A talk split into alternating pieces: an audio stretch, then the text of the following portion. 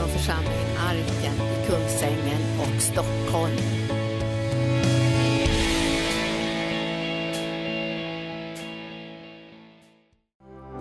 Halleluja. Ja, vi välkomnar dig helige Ande att eh, hjälpa oss in i ordet, uppenbara eh, sanningen för oss så att vi får den vägledning som vi behöver.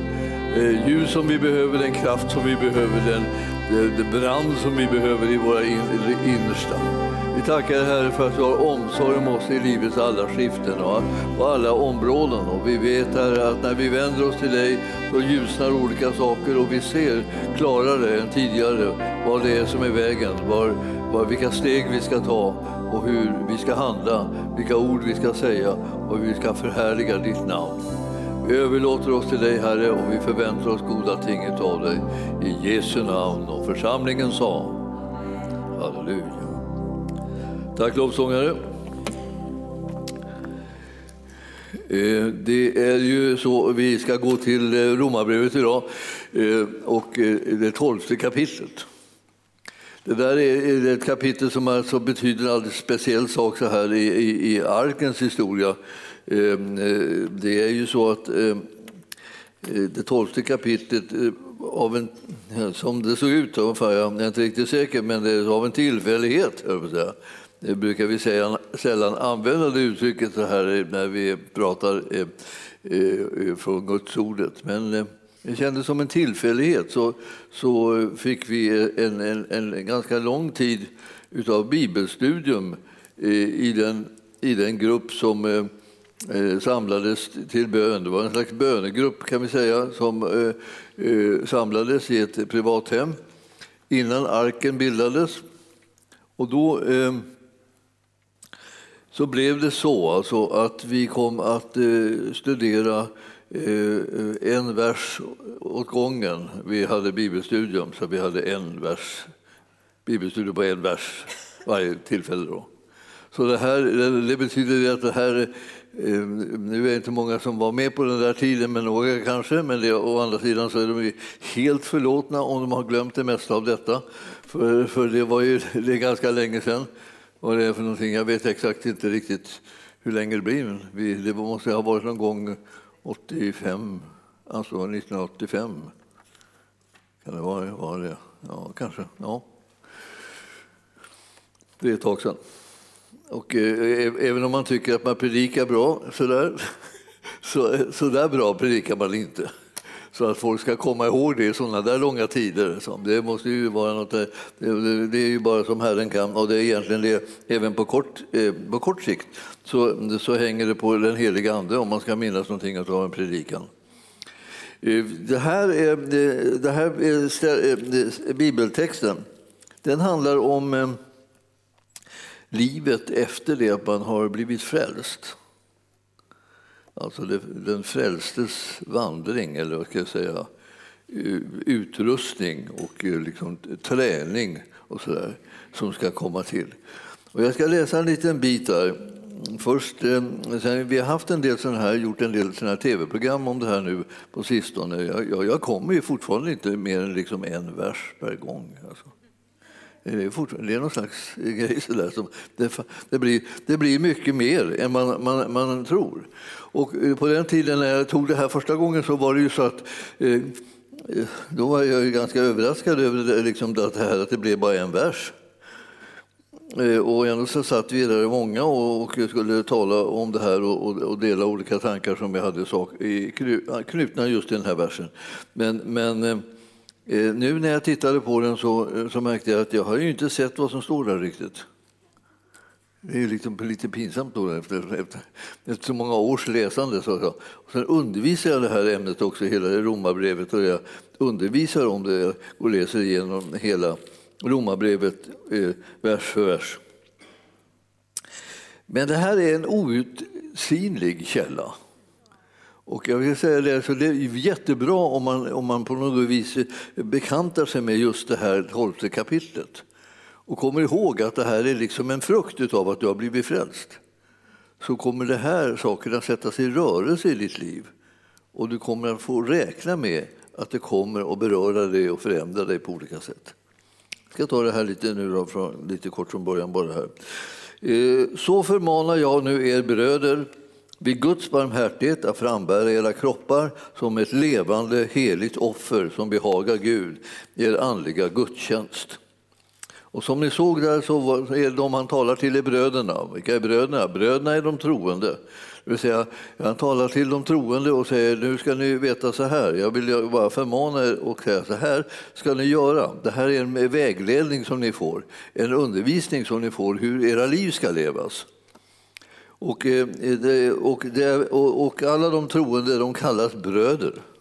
Jag har sagt det många gånger till alltså, När ni läser texterna så märker ni att eh, det, det, det här måste omfatta alla troende, inte liksom bara några. Det är inte en beskrivning vilket kön man har, utan det är frågan om vilken, vilken tro man har.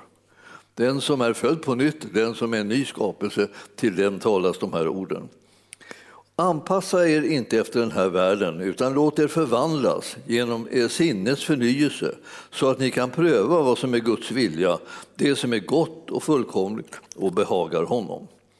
Det här är det som vi egentligen vill ha eh, liksom i, in i vårt liv hela tiden. En ström av insikter om det här delen. Vi vill inte bara leva som världen lever av samma källa. Vi vill inte leva på samma sätt. Vi vill, vi, vi vill lämna det därhän och så vill vi leva det som är ett, ett liv i Jesu efterföljd.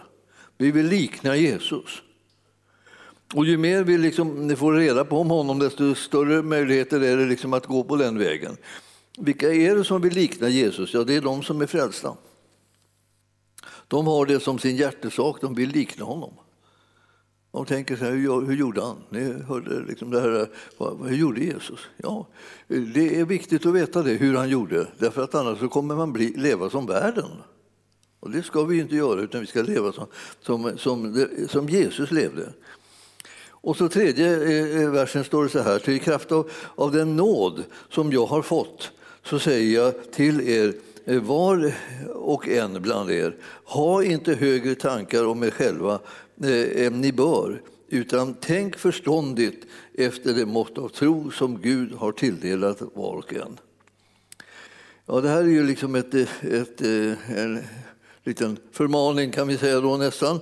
Så att du ska inte ha för höga tankar om dig själv. Det, hoppas man ju att man inte har, men man vet ju aldrig. Så, så för säkerhets skull då, så står det mm, att det är förståndigt, man ska tänka förståndigt, det vill säga det är det vi brukar liksom tänka realistiskt. Alltså. Det var liksom anpassat efter liksom den, den andliga verklighet som, som råder och den situation som du har i ditt liv och där du befinner dig. Tro inte att du är liksom någonting mycket, mycket mer än du egentligen är genom dina egna gärningar. Utan tro honom att ha gjort allt som behövs för dig. Och du, du är en person som är kallad att upptäcka vad det innebär för dig sedan. Du kommer att kunna leva ett liv som liksom övergår allt förstånd. Men du måste, du måste räkna med det som är realistiskt. Och det som är realistiskt i andligt avseende är faktiskt någonting annat än det som är realistiskt i världen. Det som är, tänker att nu ska det vara realistiskt. Det betyder lägg ner alla sådana överdrivna tro på att det ska bli så fantastiskt och att allting ska lösa sig. Lägg ner det, var nu, var liksom fatta nu. Alltså, eh, det här kommer inte bli, eh, lösa sig i första taget, eh, om det överhuvudtaget kommer att lösa sig. Så där är det liksom realistiskt i världen. Men är det realistiskt i Guds rike är det som att säga att det här kommer att lösa sig. Han är stor och mäktig och god och han älskar dig och han har förberett ditt liv och han har en lösning som han har, liksom, har redan placerat i, alltså precis framför fötterna på dig. Du är på väg in i den lösningen. Alltså. Gud är den som kommer med sina lösningar och utvägar till den som söker honom. Och han har den där. Så när du söker honom, då kliver du på rätt väg. När du inte söker honom hamnar du på fel väg. Där ligger inte lösningen. Lösningen ligger på den vägen där du söker honom. Så därför så behöver du liksom ha, ha klart för dig liksom, vad, vad, vad, ska jag ta, vad ska jag göra. Liksom, vad ska jag göra? Ja, sök Herren. Och när du söker honom så kommer du hitta det här. Och det, här, därför det, det är realistiskt, alltså andligt är realistiskt är det. Eh, eh, och, och förstånd, förståndigt alltså. Eh, och man ska göra det här efter det mått av tro som Gud har tilldelat var och en. Och han har gjort det, att han har gett dig ett mått av tro. Den, det måttet av tro är det som gör att du kan gå på den vägen och klarar av att gå på den vägen som han har stakat ut för dig. Så du är inte så att du är, du är illa rustad. Så att du, åh, du skulle så gärna gå på den där vägen. Men du har fått så lite tro så du kommer inte fram. Eh, nej, alltså, det, det är inte Guds metod.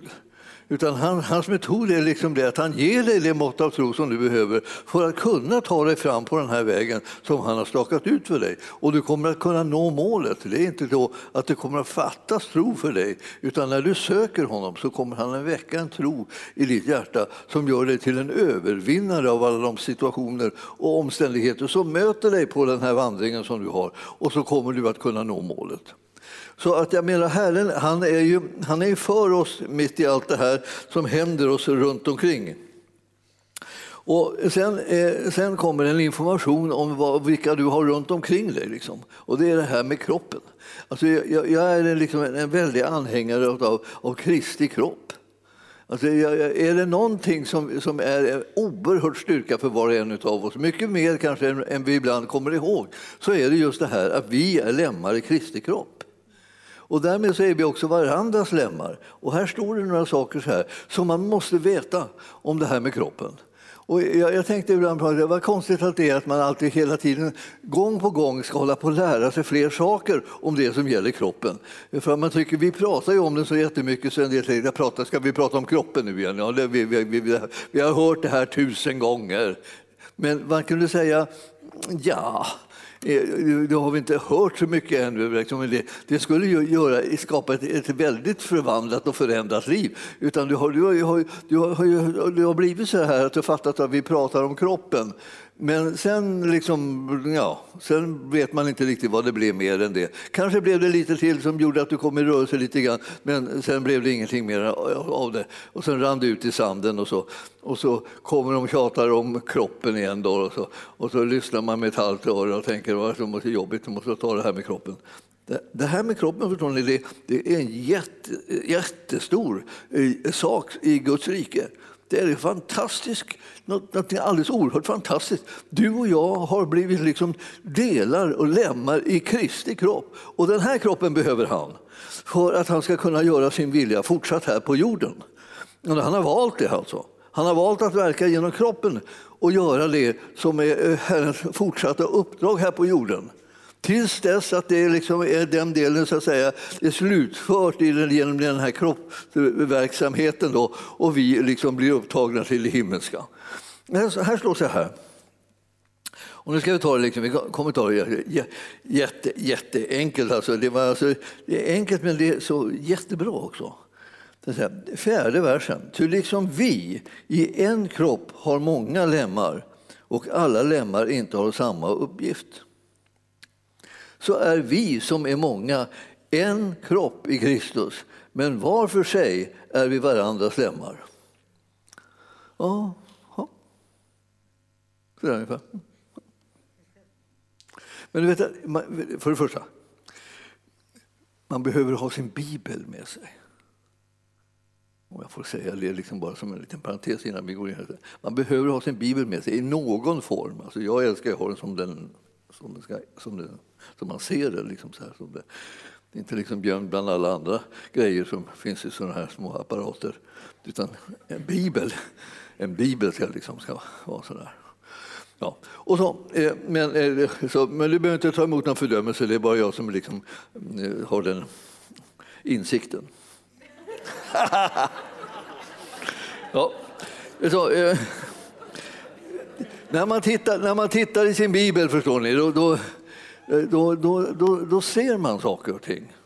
Man ser inte bara precis på den punkten som man liksom har slagit upp, man ser liksom lite runt omkring. Och sen efter det så bläddrar man lite dit och så bläddrar man lite här och så håller man flyger man var och så håller man på och så småningom så, man, så börjar man tänka så här... oj, oj, oj. Alltså, här var det alltså. Det här, vi, vi, alltså, liksom vi i en kropp har många lemmar och eh, Alltså, de här lemmarna har inte samma uppgift. Varför det? Skulle det inte bli liksom lugnare i Kristi kropp om vi hade samma uppgift?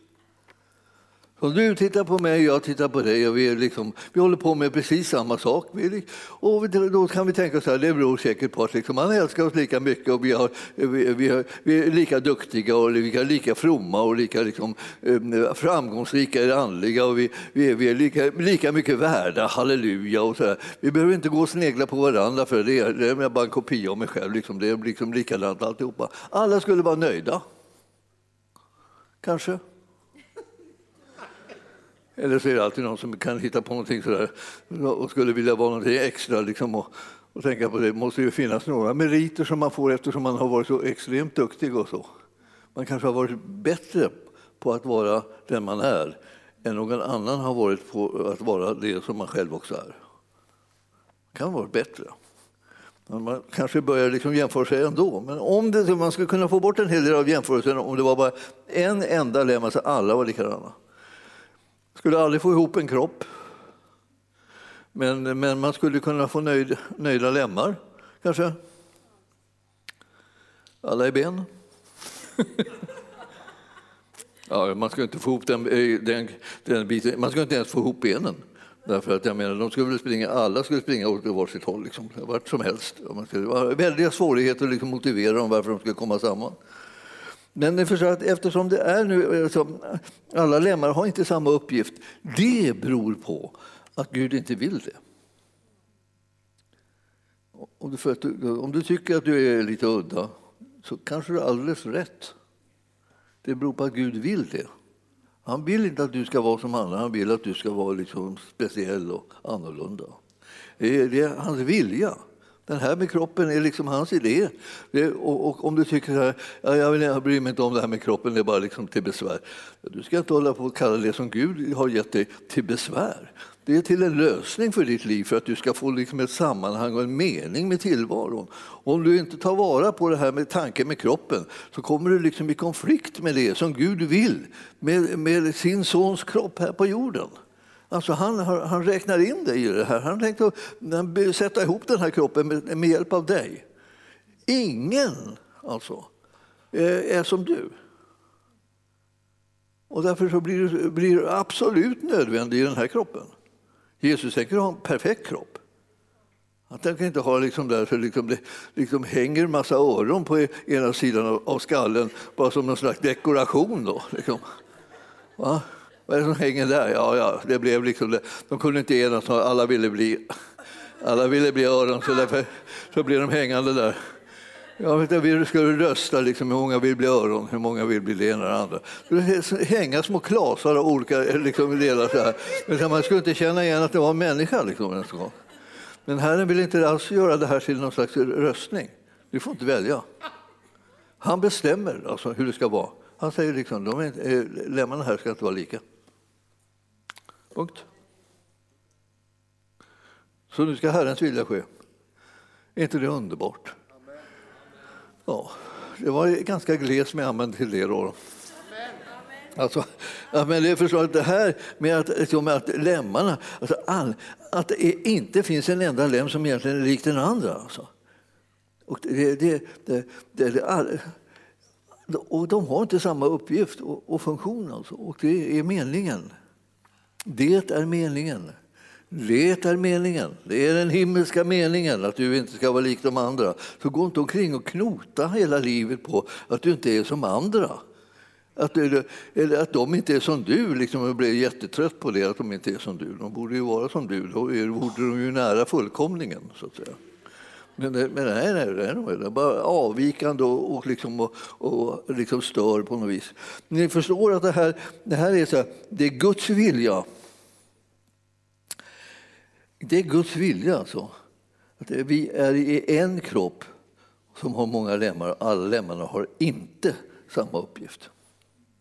Det är det kännetecknet. Detta är Guds vilja. Om, jag tänker ibland så här, vad, vad, vad, är det vi ska fråga oss när vi, när vi kommer samman egentligen? Vi ska fråga, vad är Guds vilja? För vi kommer inte samman för att fråga, liksom, vad är din, vad vill du? Utan, eller vad vill jag? Utan vad vill han? Är frågan. Och när vi börjar få svar på vad han vill, det är då våra, våra olika delar som vi representerar kan ha en chans att komma på rätt plats i den här kroppen. Annars så blir det som att vi, vi bara liksom gissar oss fram eller tränger oss fram. Liksom. Vi värderar olika delar mer än andra och så ska alla, alla försöka bli det då. Men det här, det här är alltså, att lyssna till Herren är att komma rätt i kroppen. Och, och eh, då, då, är det inte så här att man kommer till sin pastor och säger jag har kallelse till det och det. Så. Var är min plats? Ja, jag säga det, det, det vet jag inte. För, för jag, jag, jag, kan, dels kan jag, inte, jag är inte säker på liksom att din beställning är rätt. Men om den nu skulle vara rätt så är det inte jag som man beställer den hos. Utan det är fortfarande så att det är han. Och, och, och, och är det han, då kommer han, när du vill vara med på det som han har bestämt, bana väg för dig så att du kommer in där. Och du kan liksom lägga, liksom, sätta gasen liksom i botten och eh, förbereda dig för att gå in i, i det som Herren har kallat dig till, om det är han. Så hjälper det. Så jag vill säga att, att det står så här i, i, i vers 5 alltså. Så är vi, som är många, en kropp i Kristus. Men var för sig är vi varandras lemmar. Och i den här gången när jag läste det här så tänkte jag så här. Eh, det var inte bara liksom ett konstaterande liksom, att det finns bara liksom en enda kropp och den är i Kristus. Alltså den kroppen är att hitta i Kristus. Det är hans kropp som vi har och det, det är bara den som finns, det är bara en. En enda kropp. Så du kan inte liksom rösta bort att vi borde ha flera av den sorten eller flera av det här, utan det är bara en. Den är det. Alltså. Och om du, om du förstår att det här är bara en enda kropp så, så märker du också det att när du kommer till hit med det där med lemmarna så är det så att vi, vi andra, vi är lemmar varandra till tjänst. Alltså, han säger ni som är lemmar, ni är sådana som ska tjäna varandra så att kroppen fungerar. Ni ska tjäna Herren, men ni ska tjäna varandra. Alltså, alltså det, det, är inte så att hela kroppen, liksom, jag tänker så här, hela kroppen är arrangerad för att serva dig. Mm, nej, men, inte, inte, eh, men du kommer få en, en släng av den här servicen. Så att säga. När du kommer på rätt plats så blir, kommer du ha lemmar som kopplar ihop med dig och det kommer att göra att det blir begripligt vem du är. Vad du ska göra. Man kan upptäcka vem du är och vad du håller på med och vad, vilken, vilken välsignelse du är. Det är när du kommer på rätt plats. När du kommer på fel plats tycker alla att du är ett problem istället. Du kanske sitter och tänker att du själv är ett problem. Jag vet inte, liksom, det beror på vad vi har för vanor liksom, att tänka om oss själva. Men om vi tycker att vi själva är ett problem, då måste vi liksom på något sätt missförstått var vi ska vara någonstans. Och då måste vi söka Herren. Vi söker hans vilja för att komma på rätt plats. Vi söker hans vilja för att kunna bli en välsignelse för de syskon som är runt omkring oss. Och vi söker hans vilja för att de ska kunna bli en välsignelse för oss själva också, så att vi kommer till, till rätta med våra funktioner. Det här är liksom ett stort liksom under som Herren håller på att skapa. Om vi inte frågar efter hans vilja kommer vi fel. Och jag vill säga det att det är så jättemånga som under, under alla år som jag, som jag jobbat i, i Guds församling, alltså att, som kommer liksom och vill ha, ha plats. Och jag skulle vilja säga ja, jag ger gärna plats om jag hade liksom mandatet. Jag har bara mandatet att instämma i det, det som Herren, den plats som Herren vill ge till var och en. Om jag kan se det så vill jag instämma med det. Och ibland så ser jag inte det förrän det liksom bara är som ett faktum. kan man säga. Men för det mesta så är, så är det, eftersom det angår mig, eh, är det bra om jag ser det. För då kan jag hålla med Herren och då kan, då kan det bli lättare bli en öppning för just den personen att komma på plats. Annars tar det kanske ett tag som den måste visa liksom att den, den har verkligen fått det här som är smörjelse, som vi säger. Ett, liksom ett ja från Herren. När den kliver in i olika uppgifter och gör dem så märker man att smörjelsen där vilar över dem för just den funktionen.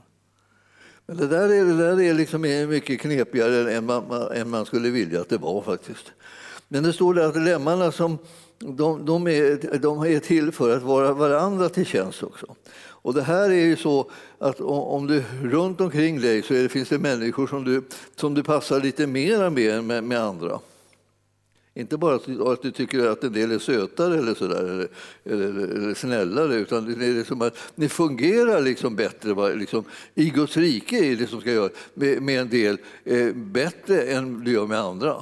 Det är ingenting som det är inte något problem egentligen, om du inte gör det till ett problem. Det vill säga, du kan mycket väl ha det på det och då kan du liksom fokusera på det här. Vilka är det som jag funkar bra ihop med? Koppla det med dem. För att du ska kunna göra hans vilja i hans kropp. Om du, om du, om du tycker att ja, men, ja, men ska vi inte ha med alla de andra? Ja, men nu är inte det här liksom en liten lekgrupp då, utan så, där man tänker så här, alla ska väl vara med. Det är ungefär som man säger, man, man, man, man säger bara alla kan, alla kan måla, alla kan sjunga, alla kan spela, alla kan... Ja, men det vet vi att de inte kan, så sluta upp nu med det här. Vi vet ju det, att alla kan inte det lika mycket. En del, en del ja, de kan göra det liksom på sitt sätt, men jag menar, helst ska de göra det ensamma då. Det är jättebra om det så slipper de liksom få någon konstig kritisk omgivning som sitter liksom och bedömer dem så här. Så kan de sitta och sjunga hemma då, eller, eller, eller, något, eller spela någonting hemma så där, som de, de aldrig riktigt får ihop. Jag bestämde mig en gång när jag, i, i unga år så här, när jag, jag, tittade på tv och så var det, det, var, det var någon slags fransk serie. Den var hur, hur jobbig som helst, men det fanns ju bara en kanal så det var, man, man hade inget att välja på. Man satt och tittade på den där. Då. Men så var det liksom ett, ett musikstycke liksom, om Mozart. Va? Som jag, som jag verkligen fäste mig Jag tänkte var jättebra, vilken, vilken fantastisk grej. Det är fantastiskt, det, det, den ska jag spela. Ja. Om ni känner mig lite så ger jag mig ofta i kast med sådana där saker när det, när det vill sig på något vis. Jag har, jag har, det är någonting i mig som gör att jag att antar sådana där utmaningar. Ja, nu kunde inte jag spela piano. Så, utan, utan, men jag tänkte, det kan väl inte vara så svårt. Jag, jag skaffade de där noterna. Och, eh, jag gjorde likadant när jag lärde mig spela trombon. Då köpte jag en trombon och sedan så var jag på väg hem, då gick, skulle vara, gick, gick, var en och en halv kilometer som jag gick från bussen liksom i en allé upp till, upp till hemmet där vi bodde. Då tänkte jag, orkar inte vänta. Va? Så jag sprang ut i skogen, packade upp den, liksom, satte ihop den och tänkte, jag, vilken låt ska jag ta och spela? Tänkte jag. Och sen som jag blåste i den där hemska luren, jag tänkte det var något fel på konstruktionen. Jag fick ju inte något ljud i den. Det bara... Så här lät det hela tiden. Så här. Jag visste inte hur man skulle få igång den. Det var, extra, alltså det var ett extra komplicerat instrument att ge sig på också. faktiskt. Alltså det, var, det var inte några fasta toner man ska liksom leta efter på något sätt när man drog den där grejen. Där fram. Ja. Och ja. Eh, eh, alltså jag höll på i flera år. Till slut så var jag igång med det. Så kunde jag spela hjälpligt, liksom, så vi fick en liten orkester. Den var bäst när vi spelade, när vi övade. Vi övade nämligen jämt och spelade aldrig upp någonstans. det, det, det ordnade sig själv, det var ingen som bad oss om det. Men i alla fall, så, nu, tillbaka till Mozart. Mozart alltså, eh, alltså, han fanns ju på noter. Och, det, och jag kommer inte riktigt ihåg hur den här låten gick. Jag hörde ju bara en gång så här liksom i den här serien. Så, jag skulle liksom ge mig på det här då. Jag tänkte att man kan, man kan det man vill, tänkte jag. Det är inte sant, kan jag berätta för er, ni som har liksom lite sådana skyhöga planer. Det är, faktiskt inte sant, man kan inte allting. Och så. Men alltså, någonting kan man kläcka ur sig i alla fall småningom. Så jag fick räkna, räkna, jag fick läsa vad noterna liksom stod för. Då. Och det satt prickar så här med olika streck och sådana pinnar. Och så och räknade jag vilken, vilken det var och så här och så letade jag rätt på dem på pianot och sedan så eh, satte jag igång då. då. Och det, och det var ju inte bara så att man en ton så här, ding, ding, ding, utan det skulle vara liksom någonting med ena handen och så med den andra. Då, och så. oerhört komplicerat. Men i alla fall, jag satt och övade där flera timmar varje dag. Liksom måste jag bli, grannarna måste jag bli helt galna. Liksom, för de hörde mig läcka satte igång. Så liksom hakar upp det, hakar upp det, hakar upp det. Och så, här, så småningom alltså, ja, jag vet inte hur många år det tog, men det var ju sån här, jag var sån här autodidakt, heter det tjusigt. Det var inget tjusigt med det, det var bara ett eländigt arbete. Men jag, jag fick i alla fall till det så att jag kunde liksom spela första sidan. Alltså.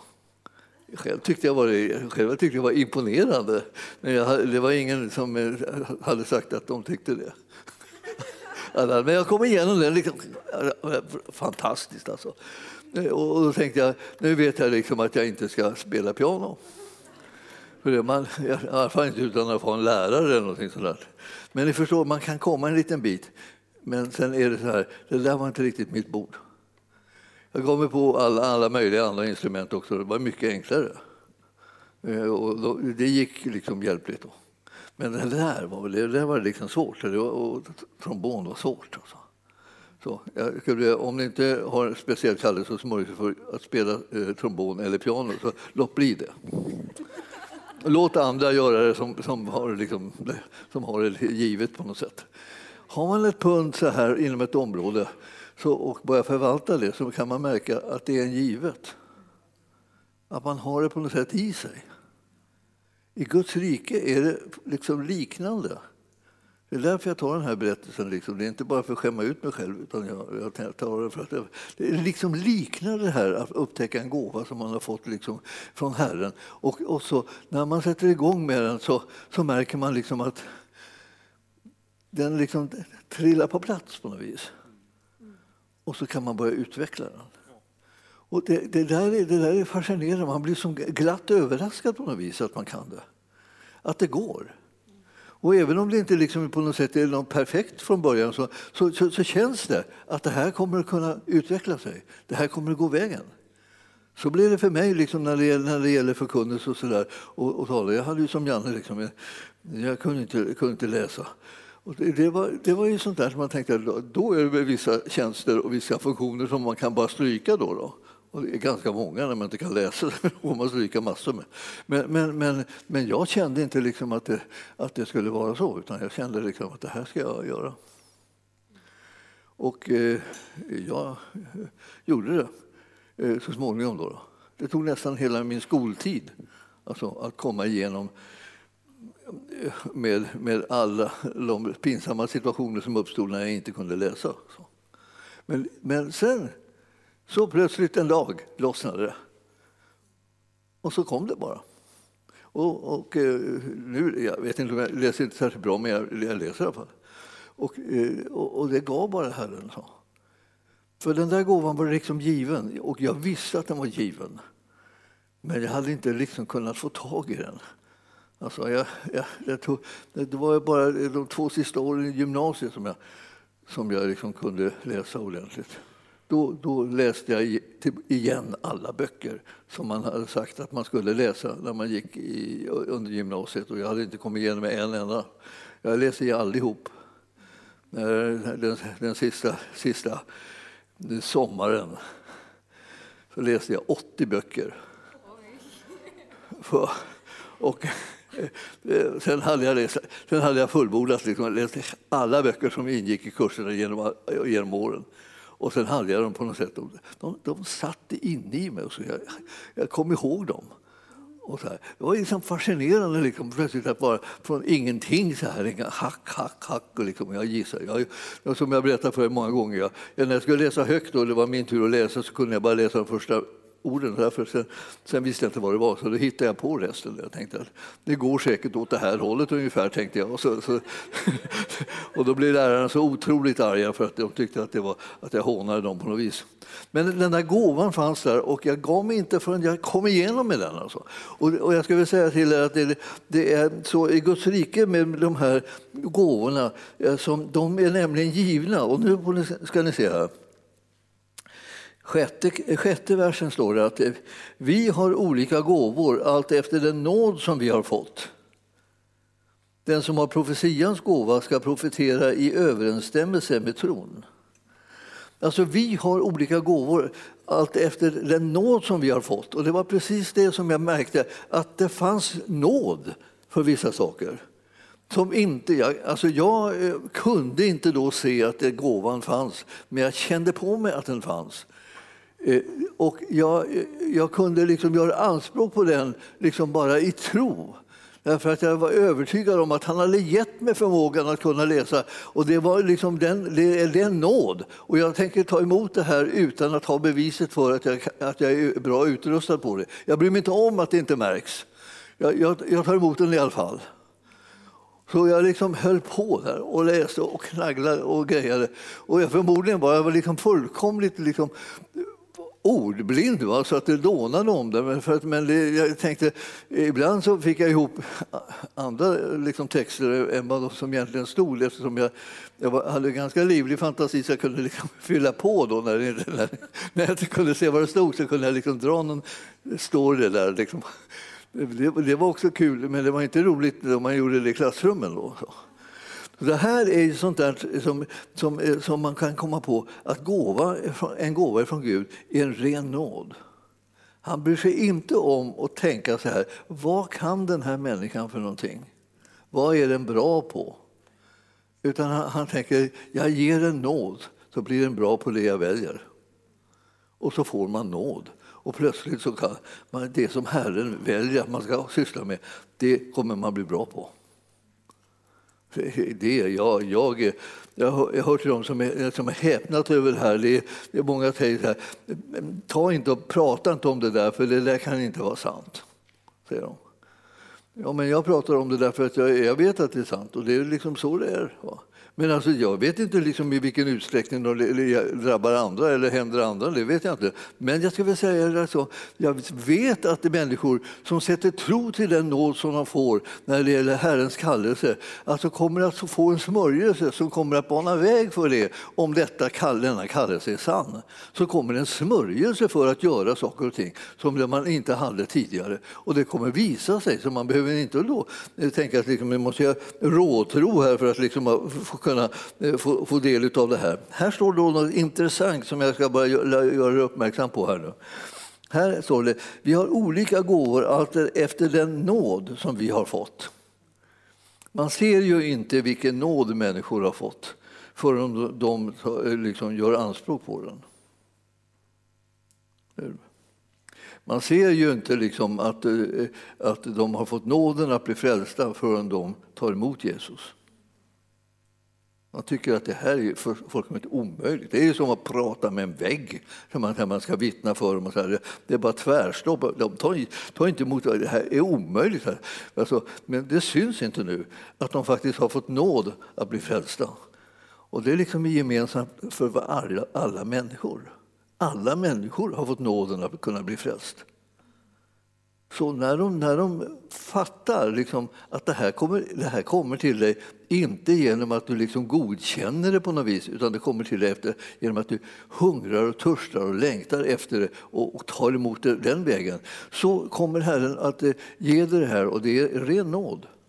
Du har inte förtjänat det, du har inte lyckats nå upp till det, du har bara fått det.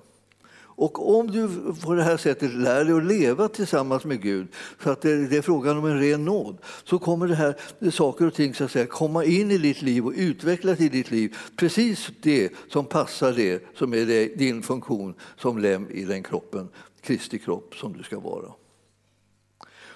Och så läser vi här, och vi ska ta liksom bara kort som en avslutning på det här nu då, för att det inte ska trassla till för många grejer på en gång. För här står det då att, att den som har profetians gåva ska profetera i överensstämmelse med tron. Så när man har fått profetians gåva, eller när man känner att man har den men man, eh, man har inte prövat den ännu, så måste man profetera i, i enlighet med tron. Det vill säga med den, eh, med den kristna tron. Man ska inte bara prata på någonting i luften. Man, ska, man ska, måste ha ett budskap som är i linje med den kristna tron. Och, och det kommer sen i de här andra delarna också att den som undervisar ska undervisa i läran. Vilken lära då? Den kristna läran.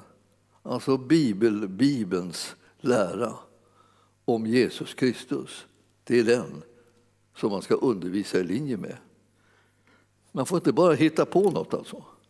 Man får inte liksom bara känna att jag känner för att säga det här, det måste vara, måste vara Gud och så. Utan det, det, här är liksom sånt, det måste stämma med det som Bibeln undervisar om på det här viset. Och, eh, så att du har både i det profetiska, så profeter, profeterar du i enlighet, i överensstämmelse med det här som eh, den kristna tron eh, säger. Och när du kommer till gåvan liksom med, med, med, med, med undervisningen så är det samma sak. Och när du ska tjäna så ska du tjäna, ska du tjäna i, i din uppgift. Och jag, jag har suttit länge och tänkt och pratat med Gud och försökt att förstå vad, det, vad, vad är det för någonting. Du ska tjäna i din uppgift. Det är klart man tjänar sin uppgift. Vad menar du men, men ju, ju, längre jag har på liksom och funderat liksom kring det här och, och, och pratat med Herren om det så, så märker jag det, att det, ja, men det här har jag erfarenhet av att folk ibland inte gör. När de, när de tjänar, när de egentligen är tjänare, de har gåvan att tjäna, då efter ett tag så börjar, börjar de tjäna i andra uppgifter än de som de har fått. Jag menar, så, kan jag tjäna i en kan jag tjäna i alla, tänker de. Men så är det inte. Det är frågan om att hitta den gåva som man har fått av Herren och tjäna inom det området. Det, det liksom, och det är inte för att begränsa den utan det är för att göra den bra. Alltså själva tjänsten bra. Alltså, jag vet inte vad det är. Ibland så är det, det är nästan så att vi är som de här kossorna som man brukar säga. Så här, de, tycker man, de, de tycker alltid att gräset är grönare på andra sidan. Så fast de står där de ska stå och äter det här gräset och alltihopa och de mjölkar bra och allt fungerar och sådär så står de ändå liksom och försöker liksom tränga huvudet igenom staketet för att komma åt det gräset som är på andra sidan. Och så är det så småningom så han trasslar in sig så till den milda grad, får inte tillbaka huvudet. De sitter liksom fastna i staketet. Och, så. och vad gör de där då? Ja, därför att de ville, de ville in på något annat än det som skulle de göra. Allt var serverat, men de skulle absolut ta det som låg utom räckhåll. Gör inte det. Det, liksom, det ligger, det ligger liksom nära, när, när det här som Herren ger en. Det ligger nära. Det ligger inte liksom någon annanstans hela tiden. Man tänker Åh, det är mycket bättre, Åh, tänk om man kunde nå dit, tänk om man går dit. Så liksom sitter man nästan så här, deppar ihop och förtvivlar liksom över att man inte får tag i det som är där borta, dit man inte når. Varför ska vi hålla på så där? Det är helt onödigt. Herren vill liksom att du ska upptäcka det som han har gett till dig. Det är nära och du kommer att kunna bli till välsignelse med att du tar vara på det som du nå faktiskt når. Ja, eh, tycker du det här liksom är konstigt? Och man tänker, hur ska det här gå till? Då, liksom? ja, det, det, ja det, det, finns mycket att säga om det, kan man säga kort och gott. Men alltså den här gåvan att tjäna i sin uppgift och inte i andras. Bra, viktigt alltså. Och, eh, när, man är, när man är pastor kommer folk till en ibland och säger kan inte du säga till den här människan att inte den ska hålla på och lägga sig i det här hela tiden? Mm, ja. Jag vill ju inte riktigt göra det. Jag tycker att liksom, det känns ju lite pinsamt. Liksom. Men, men, men jag förstår vad de menar. Alltså, någon är bra på någonting och sen tror den är bra på allting. Ja, och hur ska man få den liksom att sluta med att greja på alla områden där den inte egentligen har liksom fått någon direkt kallelse eller ett uppdrag eller någonting? Då, då. Ja, det, det, är lite svårt att bromsa dem då. Man vill inte att de ska bli ledsna. Men om man envisas med sånt där beteende blir man förr eller senare ledsen. För någon kommer och säger du, det här, det här är ingen som har bett om att hålla på med det här, det är andra som fixar det, så du behöver inte lägga dig i det. Lite jobbigt att få höra det. Sådär. Helst vill man att ingen ska behöva höra det. Och det bästa sättet att inte höra det på är att man håller sig vid, som man brukar säga, sin läst. Ja. Förbli vid din läst. Alltså, stanna kvar inom det område där du har fått kallelse, smörjelse och uppdrag. Det blir bättre. Och det är klart att det kan hända att det utvecklas, din tjänst utvecklas. Men då kommer det liksom en slags kallelse och mandat både från Gud och människor för att det ska ske. Men, men annars så blir det smärtsamt liksom på något vis och det, det, det är bara sorgligt för alla parter. Och, och, när, man, när, man, när man hör det där och folk liksom irriteras på något, så, ja, det är inget bra. Så är det är alltid, alltid liksom lite tragiskt. Och vi ska försöka låta bli att göra varandra ledsna och vi ska försöka låta bli att, att tränga varandra. Liksom. Det finns tillräckligt med arbete i det område som man har fått faktiskt. Det brukar, brukar räcka.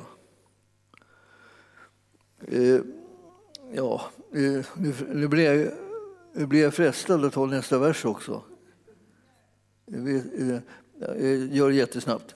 Den, den som förmanar ska göra det i den uppgiften. Förmana är ju att man vägleder någon. Det är inte liksom att man kritiserar. Det, vi har ju nästan den tonen när vi hör ordet förmana, att det låter som att man ska kritisera någon. Kom, ska jag förmana dig ett tag? Så här. Ja, det är klart att jag har gjort för fel nu då, tänker de. Men, alltså, men det här är vägleda. Förmaningen har liksom den positiva liksom, varianten av ordet, så att säga, betydelsen av ordet, och det betyder vägleda. När man ska förmana någon så ska man vägleda den.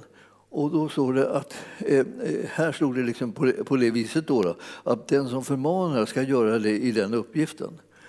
Det vill säga, eh, du ska, du ska veta vilket, vilket område som du har mandat och tillgång till och rätt att förmana. För om du springer omkring och förmanar alla möjliga kommer du få många fiender. För att det liksom, de accepterar inte det. Det, det behövs liksom ett slags mandat för det här att man förmanar. Det behövs, ett, det behövs ett godkännande, det behövs en smörjelse för det också för att man inte bara retar gallerfeber med folk. Det är ingen konst att göra det.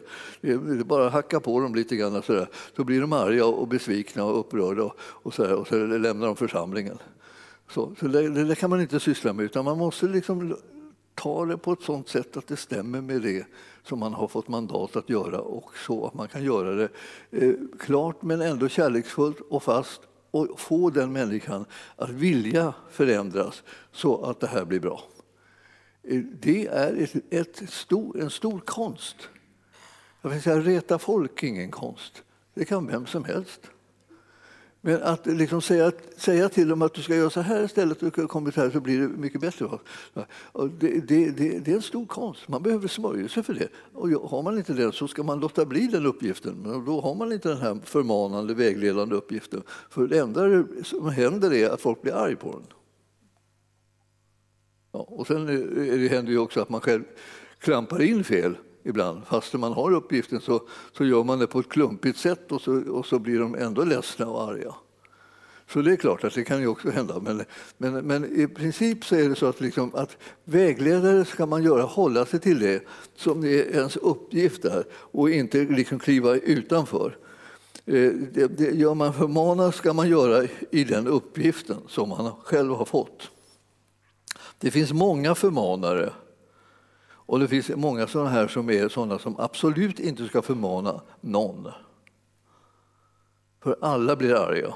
Det är som, det är som, som, det är som ett brev på posten. Det är säkert att de blir arga. De, alltså, de kan inte säga sådana typer av saker till människor att där de ska korrigera dem eller rätta dem eller förändra någonting i det de gör. Utan eh, de får hela tiden att det bara slår bakut och så blir det full kalabalik.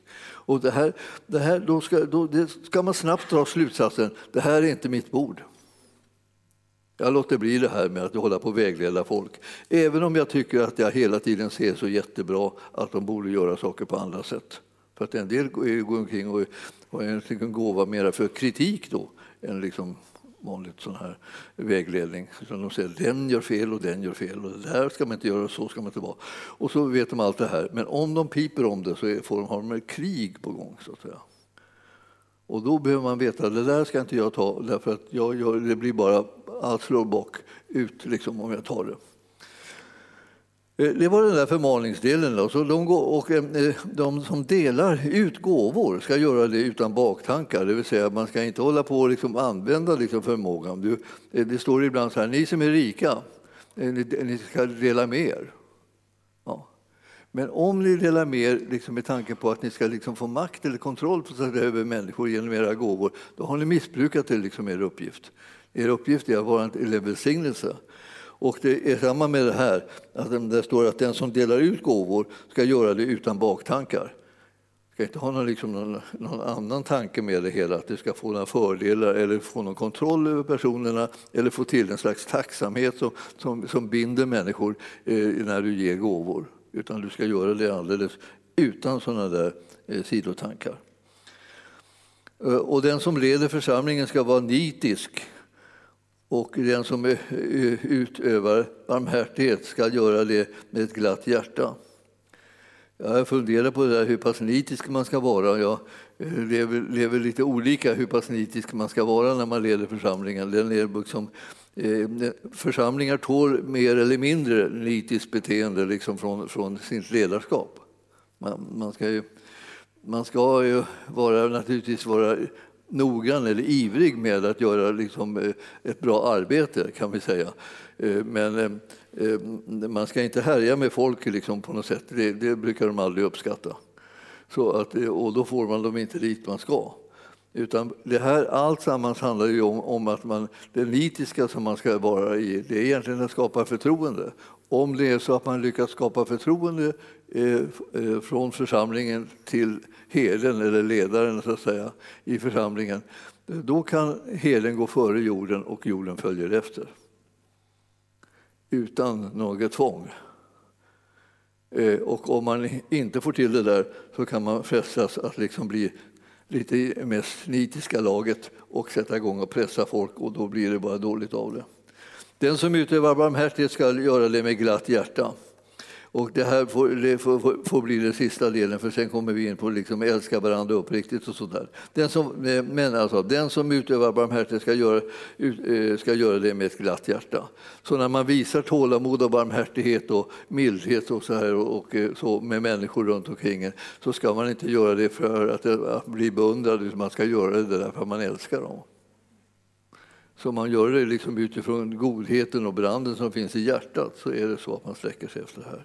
Så det är det som, eh, eh som lite grann om det här med, i det här kapitlet nu då, som ni har tittat på eh, är det som, eh, vi ska titta lite vidare på det sen vidare, men det är små, små korn sådär, här och där som ska hjälpa dig och mig liksom, att göra det här, så gör det på rätt sätt nu då. Gör det så, liksom, låt bli vissa saker och gör, och, och gör de saker som du ska göra, men i rätt anda och på rätt sätt. Så kommer du se att det här liksom blir till välsignelse. För vi är ju här för att välsigna varandra. Och så är vi här för att det kan bli till Herrens välsignelse. Och det var det han sa, att han ville att det skulle ske. Så där han håller på att värva dig och mig då. Och, och liksom att inte vara missnöjda med den uppgift som vi får, utan vara liksom nöjda med den. Och sen göra den i en rätt anda. Så kommer andra människor också bli nöjda över att du har den här uppgiften. Så att det här välsignelsen liksom flödar över åt alla håll och kanter. Det här, det här är liksom lite, vad ska säga, lite träning i liksom hur, hur ska vi leva nu tillsammans som kristna och för att församlingen ska kunna komma i funktion. Och jag tror att det, det liksom, församlingen kan bli, bli ett väldigt härligt ställe om vi envisas med att göra det härligt. Alltså, vi behöver vara lite en, envisa, så att säga. Inte släppa läppar, det får väl bli hur det blir. Alla de andra borde ändra på sig, och det kan, det kan hända. Men gör du det också så blir det ännu härligare. Så att säga. Man har ju bara egentligen makt över sig själv. Och jag tycker att det, liksom, det där är, det är någonting som man ibland tror, man, makt, man kan ha makt över andra och förändra deras liv. Ja, det är mycket begränsat. Men där du har riktigt stor makt, det är över dig själv. Använd den makten så kan vi se hur, hur det kan kanske smitta av sig till andra, att de också börjar använda den makt de har över sitt eget liv för att göra förändringar och det blir förbättringar. Och så småningom så blir det så att det blir det härligt för alla som kommer att vara i församlingen. Det blir liksom en, en, en riktig eh, smak av paradiset eh, i församlingen. Eh, fastän du och jag är här och eh, har våra brister så är det så att de, de, de, har fått fokus på det där goda som vi har lyckats liksom göra i våra relationer så att våra kontakter med varandra blir harmoniska och fina. Så himmelske Fader, nu ber jag för oss i hela församlingen, både stora och små, både sådana som har varit länge i tron och sådana som har varit kortare tider. Ja, vi ber Herre att vi ska kunna hitta det som är vår, både vår kallelse och vår, våra gåvor så att vi kan förvalta dem på rätt sätt. Ta tag i dem på det viset att vi märker att det är en ren nåd som har kommit oss till del. Så att vi kommer att kunna göra precis det som, som vi har blivit kallade till på ett bra sätt. Det kommer bli härligt och underbart och det kommer bli till glädje för dig, Herre, och glädje för våra syskon. Så att kroppen kan komma samman och, och vi kan fungera ihop och vi, att vi inte behöver känna att vi hela tiden ska någon annanstans eller till något annat hörn eller så och göra andra saker än de som du egentligen har gett oss eh, smörjelse för. Vi prisar dig för det, Herre. Låt din härlighet också lägras över hela församlingen så att det både glädje och tacksamhet till dig, Herre, flödar.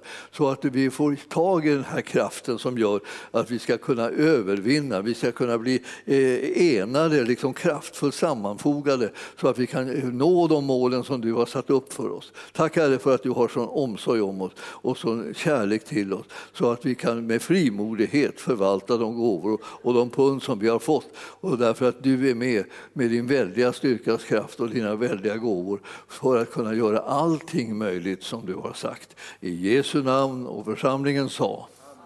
Halleluja.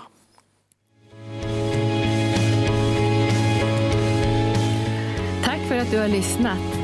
Vill du få del av mer information om församlingen Arken, vår helande tjänst, bibelskola och övriga arbete, gå in på www.arken.org.